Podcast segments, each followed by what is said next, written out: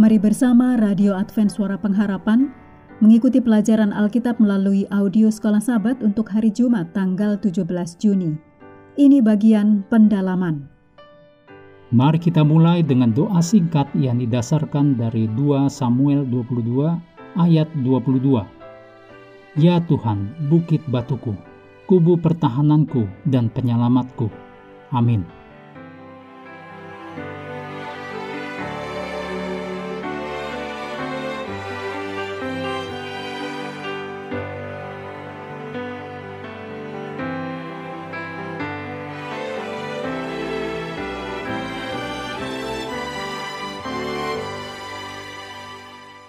Anda perlu membaca tulisan Ellen G. White, Yusuf di Mesir, di halaman 246 sampai 257.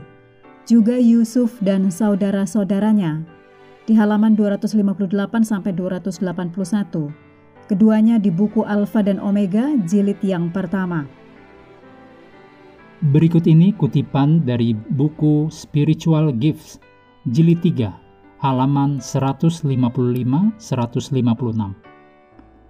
Tiga hari pengurungan dalam penjara adalah hari-hari kesedihan yang pahit bagi anak-anak Yakub. Mereka merenungkan jalan yang salah di masa lalu, terutama kekejaman mereka terhadap Yusuf. Mereka tahu jika mereka dihukum karena menjadi mata-mata, dan mereka tidak dapat membawa bukti untuk membersihkan nama mereka sendiri.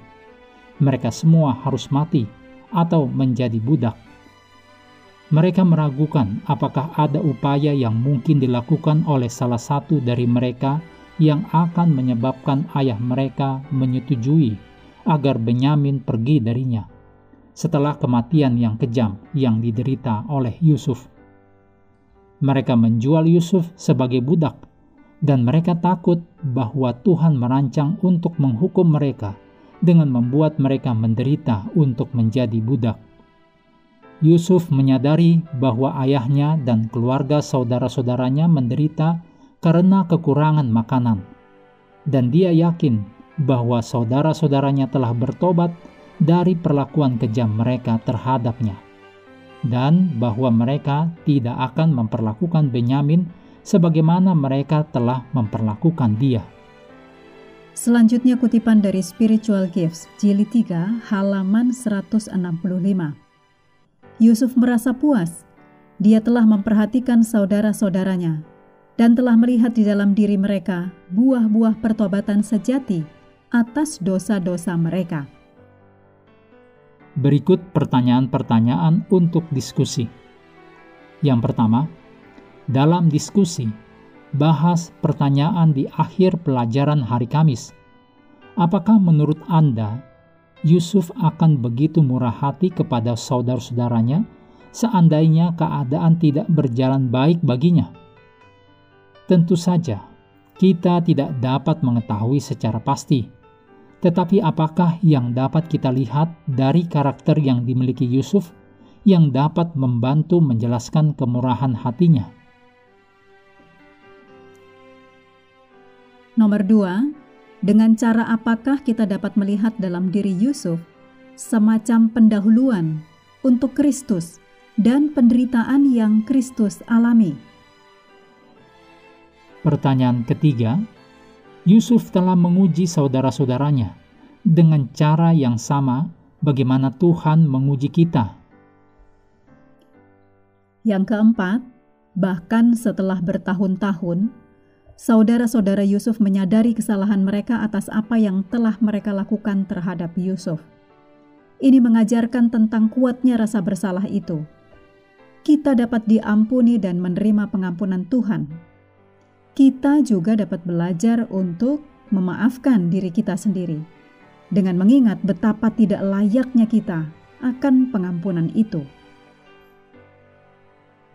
Mengakhiri pelajaran hari ini, mari kita kembali ke ayat hafalan kita dalam Kejadian 41 ayat 41. Selanjutnya Firaun berkata kepada Yusuf, "Dengan ini aku melantik engkau menjadi kuasa atas seluruh tanah Mesir." Pendengar yang dikasihi Tuhan, di tahun ke-35 pelayanan AWR Indonesia, kisah dan kesaksian pendengar terkait siaran dan pelayanan audio kami terus-menerus dikompilasi.